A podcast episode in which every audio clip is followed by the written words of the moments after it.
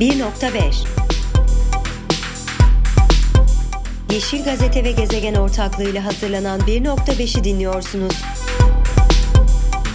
Herkese merhaba, ben Zeynep Yüncüler. 1.5'in 21. bölümüne başlıyoruz.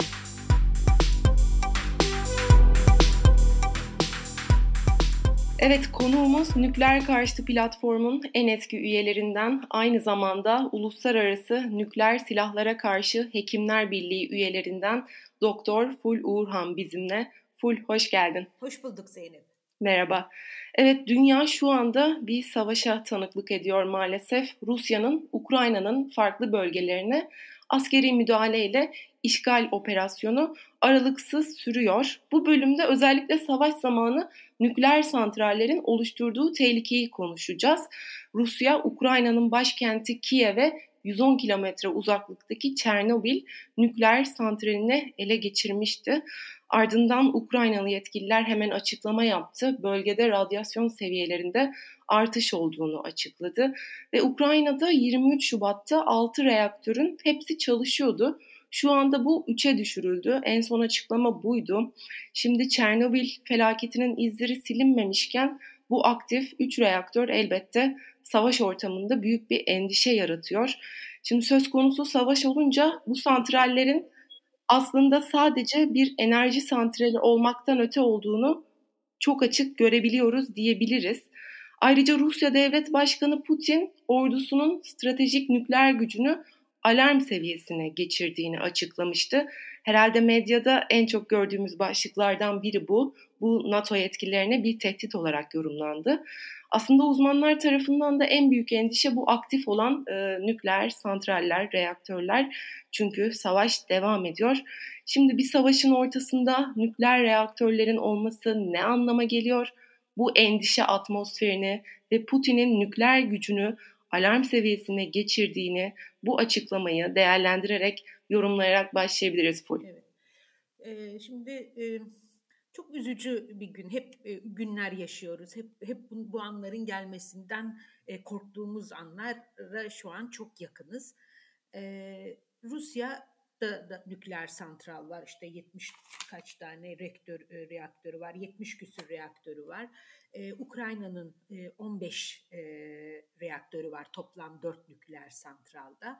E, bunlardan işte e, e, demin siz biraz farklı bir rakam verdiniz ama benim elimdeki kaynaklarda e, 20 e, e, savaş çıkmadan önceki haftada 15 reaktörün 13'ü çalışırken e, savaşın başladığı gün e, bunun hemen dört tanesini devre dışına bırakmışlar. Bu devre dışı kalmasının e, nedeni hani e, yakıt e, yakıtına ulaşamamak mı işte çalışanlarının oraya gidememesi mi? Çünkü bir savaş e, söz konusu. Bütün düzen allak bullak olmuş durumda. Ya da hani bir saldırıya karşı koruma mı? Bunu hiç bilmiyoruz. Nükleer demek büyük bir gizlilik de demek aynı zamanda. Her şeyden önce eğer bir insanın bir, bir ülkenin elinde bir nükleer tesis varsa o her an bir nükleer bombaya dönüşebilecektir demektir. Oraya bir saldırı olursa bir patlama olur ve etrafa e, radyasyon yayılır. Şimdi bu e, Ruslar e, Belarus üzerinden e, Ukrayna'ya girerken yani Kiev'e doğru giderken yollarının üzerinde Çernobil olduğunu ve Çernobil'e girdiklerini söylediler ve hemen e, oradaki e, radyasyon ölçümünde 20-30 kat artış olduğu söylendi. Bunu şu şekilde açıkladılar. E, e, tabii orada bütün ağaçların üzeri, bütün toprak, her şey korkunç, muazzam bir radyasyon kirliliğiyle e, baş başa. E, bu e, şey geçerken, e, onun e, işte ağır zırhlı araçlar geçerken topraktan kaldırdığı radyasyondan ileri geldiğini söylediler. E, Ukrayna'nın açıklaması. Bu mümkün olabilir de olmayabilir de hiç bilmiyoruz yani. Çünkü orada çok e, önemli olan iki tane e, tesis var e, şu an için Çernobil'de. Bir e, böyle üzeri lahitle örtülmüş e, böyle nükleer e, şeyler e, e, çub, yakıt çubukları var. Bir de e, işte e, yeni e, Amerikalılara inşa ettikleri 4000 metreküp e, e, alanı kaplayan nükleer atık e, şeyleri var. Şimdi bu e, nükleer meselesinde en çok kafayı ka- e, karıştıran şeylerden biri bu nükleer e, yakıtların yakıt durumu. Çünkü e, e, çalışan nükleer santraldan çıkan atıkların bazıları çok bir kısmı çok kıymetli. Rusya bu kıymetli atıklara bütün aslında bütün nükleer santralı olan bütün ülkelerin bu, bu atık olarak çıkan yakıt, yakıt çubuklarına çok ihtiyacı var. Çünkü onlardan yeniden yakıt üretiliyor. Mesela şu an Rusya'nın kendi doğal kaynakları, doğal uranyum kaynakları kendi elindeki reaktörlerin yarısına yetecek durumda. Geri kalanını o da işte Avustralya'dan alıyor ve bu yakıt çubuklarından e, kullanılmış çubuklardan da yeni yakıt yapıyorlar. Yani hani e, bir kısım düş şey de e, teoriye göre de işte e, Rusya aslında gözü bu çubuklardaydı falan deniyor. E, yani e, yani onları da elde etmek. Çünkü daha önceden geçen yıla kadar Ukrayna kendi çubuklarını Rusya'ya 200 milyon dolar karşılığında hani tekrardan yakıt çubuğu olması üzerine e, transfer ediyordu. Şimdi o transferi kesti. Kendisi e, kendi e, ülkesinde e, biriktiriyor çubuklarını. Hani böyle de bir e, düşün e, düşünceyi e, atan kişiler var ortaya. Bilemiyoruz hangisi doğru tabii ama her şey muhtemel. Çünkü herkes birbirine göbekten bağlı. Eee işte bunu gördük işte Avrupa'ya e, hem doğalgazı, petrolü, e, işte nükleer e, malzemeleri Rusya'dan gidiyor. Rusya kendine ait olanları başka yerden alıyor. Böylece böyle, e, büyük bir kaotik e, durum söz konusu nükleerde. E, şey çok sıkıştı tabii Putin. E, bütün bu ekonomik yaptırımlardan dolayı. E, ve kendisi zaten hani siyasi tarihte de izliyoruz durduğu yerde her türlü çılgınlığı da yapabilecek karaktere sahip bir insan. onun için gerçekten çok endişeliyiz yani nükleer silahlarını eğer devreye koyarsa. Batı bu konuda daha Batı'nın da elinde var tabii nükleer başlar. Hatta bizde de var. Amerika NATO'nun nükleer başlıklı füzelerinin bizde de olduğu söyleniyor. 50 adet yani eğer bir savaş başlarsa e, direkt yani nükleer savaş karşılıklı füze şeyde biz de e, maalesef e, çok risk altındayız ülke olarak. O nedenle e, dilerim e, yani bir an önce bu, bu sorun çözümlenir. Yani yani bu nükleer e, silahların e, kullanılma e, şeyi başlamadan. E, bunda da tabii halkın e, halk bütün dünya halklarının desteği çok önemli. Yani şeyi çok takdirle izliyorum. Rusya'da e, savaş karşıtı insanlar büyük riskleri göze alarak e, eylemler yapıyorlar. İşte geçen gün Berlin'de pazar günü çok büyük bir e, şey oldu. E, bir yürüyüş oldu. E, yani hani bu hatta Mersin'de bile e, Rusya ve Ukrayna e, vatandaşları bir basın açıklaması yapmış dün gördüm.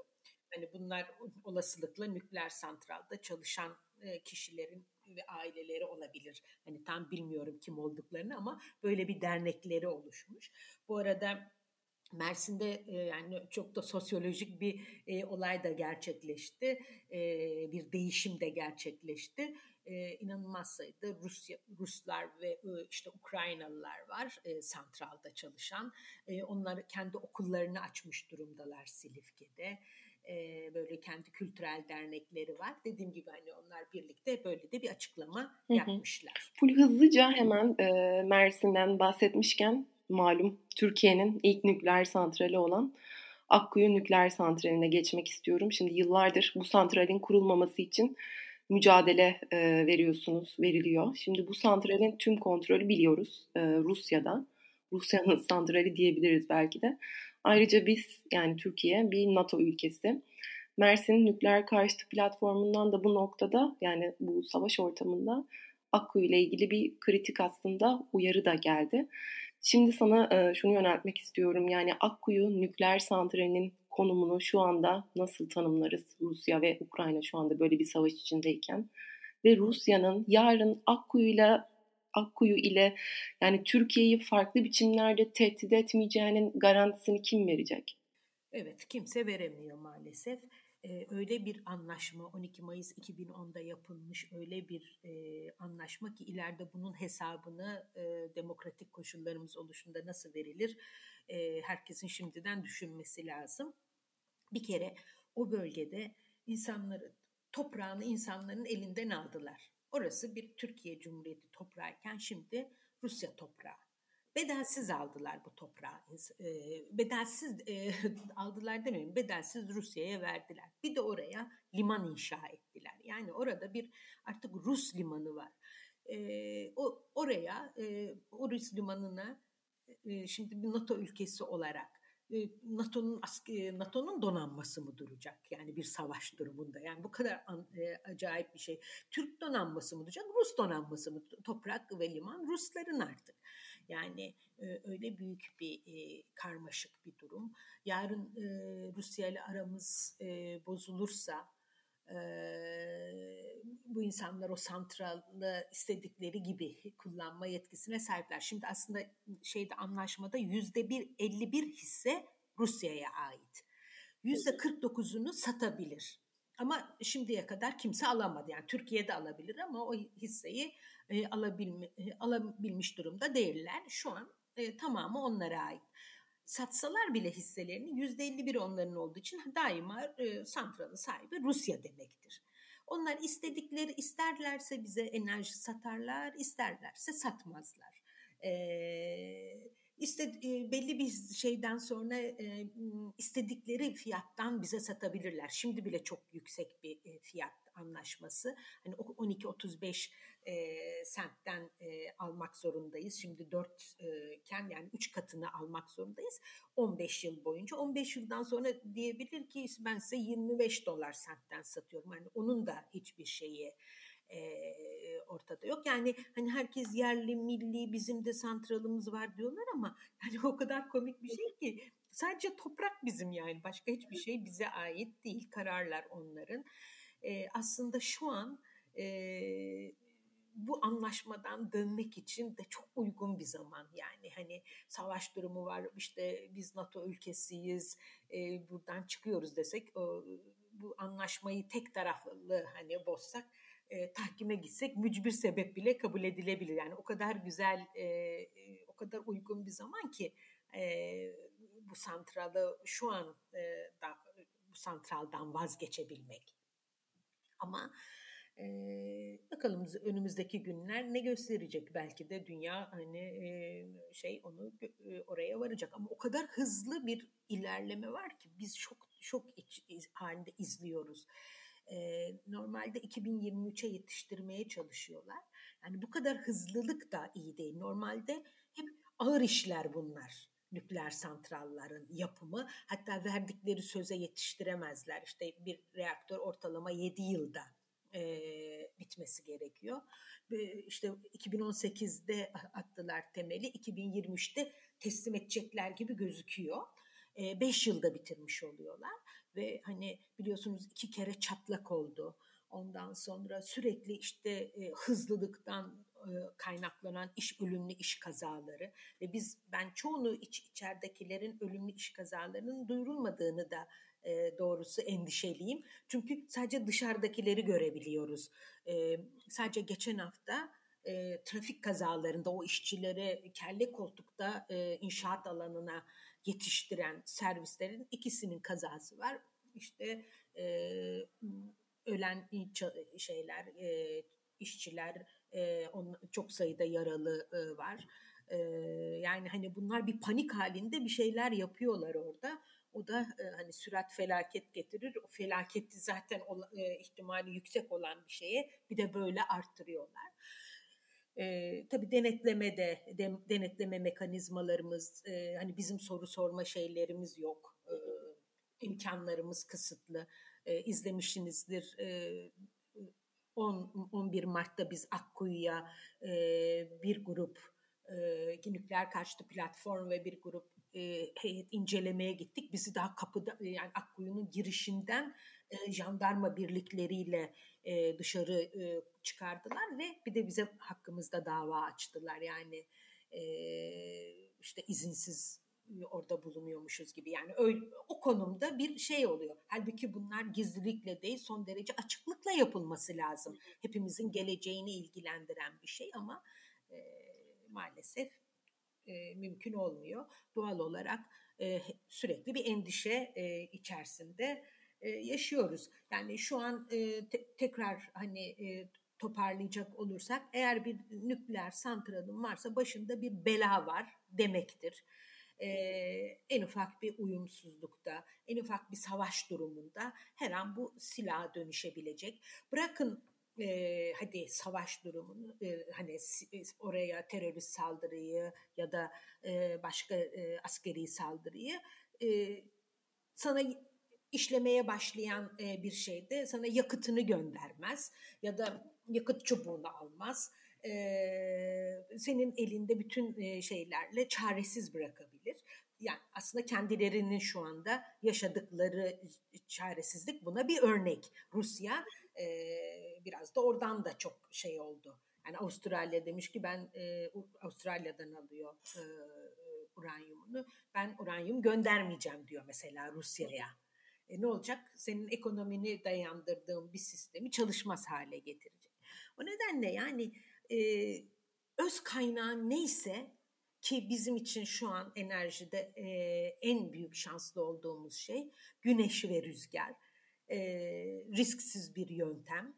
E, hani eğer üretmek anlamından bakarsak. E, hani biz buna dönmemiz gerekirken kendimizi çok daha bağımlı, çok daha e, riske attığımız, elimizi kolumuzu bağlamalarına izin verdiğimiz bir yöntemde e, diretiyoruz. Bir de tabii bu e, zaman zaman bizim her zaman çok ön, öne çıkardığımız enerji verimliliği ile ilgili kavram var. Hani bunu bütün e, yurttaşların e, düşünmesi, hayatlarını, e, var olan enerjilerini daha yani aynı enerjiyi daha az enerjiyi kullanıp aynı işi yapabileceğimiz sistemlere geçmek için çaba sarf etmemiz lazım. Yani hani üretmek de sorun değil. Önemli olan akıllı tüketmek bunu, verimli tüketmek. Hani öyle olursa o kendi öz kaynaklarımızın buna yeteceğini düşünüyoruz mesela bizim bir doğa öz kaynaklarımız hidroelektrik santrallerdi biliyorsunuz. Bir anda böyle bütün Türkiye'nin bütün derelerini işte enerji elde edeceğiz diye şey yaptılar, gasp ettiler. Şimdi bir kuraklık oldu. Hem dereler kurudu hem enerji elde edilemiyor. Yani bu işi akıllıca ve planlı yapmak herkesin hayrına oluyor. Hani bunun en akıllıcası dediğim gibi birincisi enerji verimliliği, ikincisi enerji tasarrufu, üçüncüsü de kendi öz kaynaklarımızı yine doğa dostu olacak şekilde kurgulamak ve kimseye eyvallah etmeden e, bu şeyimizi e, sürdürmeliyiz. Ama e, bunun için de tabii e, demokratik bir ülke gerekiyor, akıllı e, iktidarlar gerekiyor. Onu da işte seçmek önemli maalesef. E, onda da çok büyük bir şeyimiz var, e, sorunumuz var. Evet dediğin gibi aslında başka e, enerji e, kaynakları, alternatifleri mümkünken ve hatta Akkuyu bu kadar e, sorunlu ilerlerken yani maalesef aslında yani Cumhurbaşkanı Erdoğan'ın e, belki de nükleer inadı devam ediyor diyebiliriz. Yani bu savaştan sonra ne olur e, bilemeyiz belki ama e, yani sürekli bu bir ay içinde katıldığı birçok törende Akkuyu'dan sonra Türkiye'de ikinci hatta üçüncü nükleer santrali inşa edeceğini e, yenileyip aslında duruyordu. Geçen yıl Eylül ayında da malum e, Erdoğan Putin ile bir Soçi'de görüşme gerçekleştirmişti ve Erdoğan e, Akkuyu'nun yanı sıra ikinci ve üçüncü nükleer santrali birlikte yapabilir miyiz diye görüştük e, Putin'le ifadelerini kullanmıştı. Şimdi özellikle bu Rusya ve Ukrayna arasındaki savaştan sonra yeni bir nükleer işbirliği gerçekten gerçekleşebilir mi? Yani Sence bu bazı dersler alınacak mı? bence olmayacak gibi ama tabii Erdoğan da tabii şeye sıkıştı, siyaseten sıkıştı. Nükleer de kendi e, iktidar e, kendilerine oy veren kesim için e, hani e, onun oylarını artıracak gibi e, düşündüğü için yapıyor. Aslında e, gerçekten hiç kimse e, hani bu nükleer gerçeğini bilmiyor. İşte biz bazen tartışmalara katılıyoruz. İşte bizleri şey diye suçluyorlar. Bizim de santralımız olacak. Sizler işte engel oluyorsunuz falan. Ya diyoruz bu, bu santral hani anlaşmayı okudunuz mu? Kimin santralıymış? Baktınız mı? Yok kimse de okumuyor, bilmiyor. Ee, sadece körü körüne şey yapıyor. Hani nükleer de kendi kafalarında güç olarak e, şey yapıyor. Bu da Erdoğan'ı çok güçlü kılıyor. İşte çok büyük bir gücü bizim ülkemize getirecek diye. Yani büyük bir cahilliğin sonucu. E, Erdoğan da onu o kozu kullanıyor. Bu her şeyin işte adalet sisteminden eğitim sistemine e, ilgili bir şey. Yani ne yaşıyorsak e, bütün bu e, kurumlardaki yetersizliklerin e, yol açtığı şeyleri yaşıyoruz aslında. E, insanlar düşünemiyorlar. Bir de şey de çok önemli tabii. Medya e, e, tamamen e, gerçekleri söylememe üzerine bir takım şeyleri e, kap, üstünü örtülü e, e, vatandaşa iletme üzerine şey yapıyor. Yani mesela bu çevre etki değerlendirme raporlarının halka tanıtım toplantıları bile hepsi hani bunlar için yapılıyor işte bak bu olursa başımıza şu gelir şu olursa bu gelir bunların hiçbirisi yapılmıyor mesela vatandaşa. Vatandaş sadece e, işte yandaş medyanın kendisine ne iletti e, işte iktidarın görüşleri neyse onunla e, bilgileniyor. E, iktidar da bunun üzerinden kuruyor işte size ikiyi yapacağız, üçü yap, üçü yapacağız diye e, oradan prim sağlamaya çalışıyor ama tabii ki mümkün değil e, yapabilmeleri. Hatta böyle şeyi bile düşünüyoruz. Bu, bu baskı sürerse Rusya e, bu santralı e, yani e, bütün para akışını nasıl sağlayacak? Bütün dünya bunun pa- paralarına e, el koydu. Yani sonuçta biliyorsunuz Akku'yu çok ortak aradı kendine e, Ruslar ama hiç kimse e, şeye sermayeye ortak olmadı. Onu sonuçta Rusya kendisi yaptı. Hatta bir süre gecikme oldu e, para bulmak için.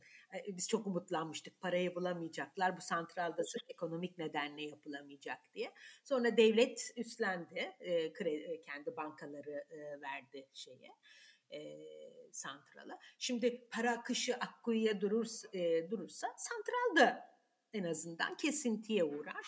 Hani böyle bir e, şey de var. E, beklentimizde, bir umudumuz da var doğrusu.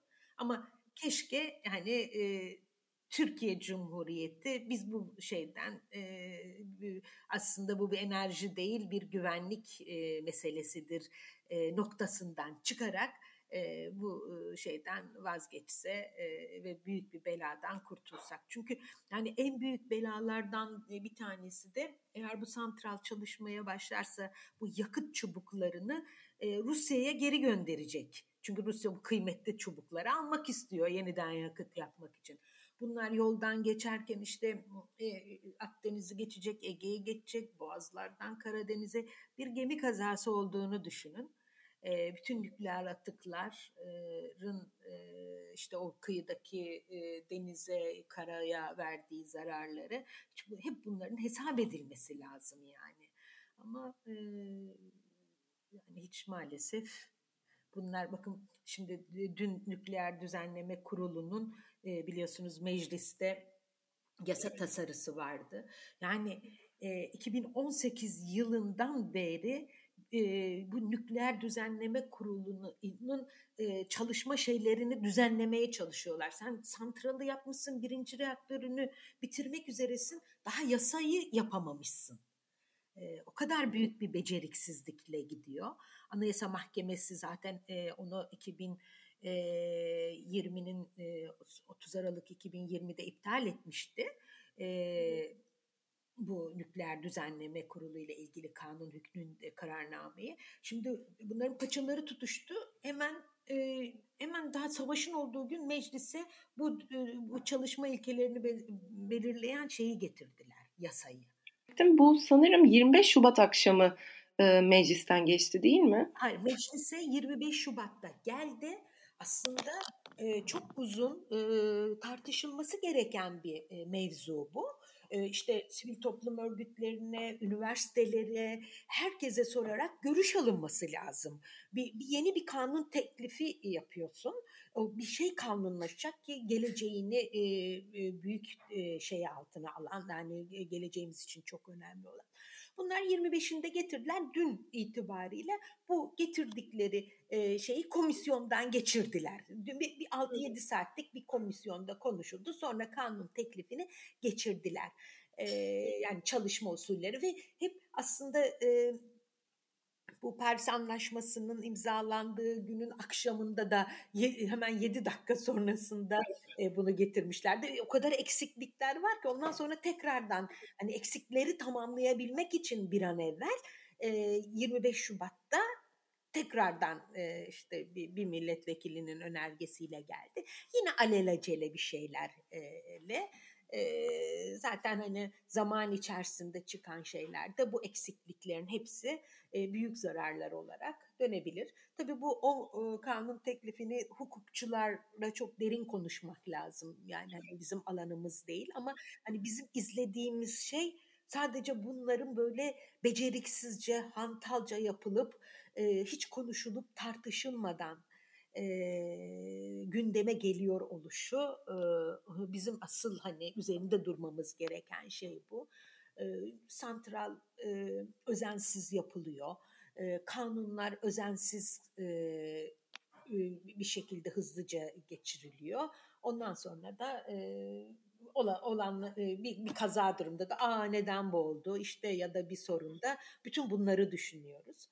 E, yani e, inşallah dediğimiz gibi bizim hep umudumuz var e, bu santralın e, çalıştırılmayacağı ile ilgili. E, yani onu onu hiç e, şey yapmak istemiyoruz.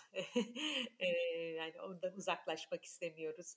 Türkiye de aslında dünyada yani mesela Almanya'yı da çok sıkıştırmaya başladılar. Ne güzel onlar nükleer santrallerin hepsini 2023 sonunda kapatacaklar. Hatta bir dedikodu çıkardılar e, Almanya hani onu biraz e, öteleyecek diye bu kararını. Ama e, dün yine bir yerden aldığımız habere göre öyle bir durum yokmuş. Kendi planında ilerliyor Almanya yani kapatma konusunda. İnsan odaklı e, düşünmek gerekiyor tabii ama işte Rusya'nın gördüğümüz gibi sivillere e, saldırısı hani Rusya'nın asla insan, e, Rusya hükümetinin yani halkını ayrı tutalım. Ben onu çok üzülüyorum. Çünkü Rus halkının içinde de barışsever insanlar var. Ama e, yani bizim nasıl e, idaremiz Türkiye halklarının çoğunu temsil etmiyorsa Putin de e, kendi halkının çoğunu temsil etmiyor diye düşünüyorum. E, çok, her her kanaldan hem Rusya'daki halklar hem Türkiye'deki e, dünyadaki halklar e, hep barışı dillendirerek e, bu çılgın liderleri akla selime doğru yola yönlendirmek. Yani bizim en büyük görevimiz bu olmalı şu saatten sonra. Ful çok teşekkür ederim. Benim sorularım bu kadardı e, bu arada. Başka eklemek istediklerim varsa lütfen buyur. Evet, ben e, yani bütün e, yurttaşların e, dediğim gibi e, hani hem Türk yurtta hem dünyada hani Atatürk'ün o sözü çok önemli gerçekten. Yurtta barış, dünyada barış. Bu e, bu barışı e, sahip çıkmak için e, mücadele etmelerini, iktidarlarını e, savaş e, istemediğini, e, istemelerin, istemediklerini e, in, e, şey yapmalarına, ikna etmelerini ve e, doğayı tahrip etmek, geleceğini, e, gelecekteki insanlara yaşam şansı tanımayacak e, projeleri engel olmalarına, e, hani her türlü bu sanayide, enerjide, e, ne bileyim işte e, adalet her şeyde hani geleceği de düşünerek e, bugünden adımların atılmasının e, vurgulanması için mücadele etmeye çağırıyorum. E, yani çünkü gelecek e, geleceğe hani e, bu kadar kötü bir dünya bırakmamak gerekiyor. Full tekrar çok teşekkürler. Sağ olun. İyi yayınlar. Teşekkürler. Biz teşekkür ederiz. Evet 1.5'in 21. bölümünü dinlediniz. Bir dahaki bölümde görüşmek üzere. Hoşçakalın.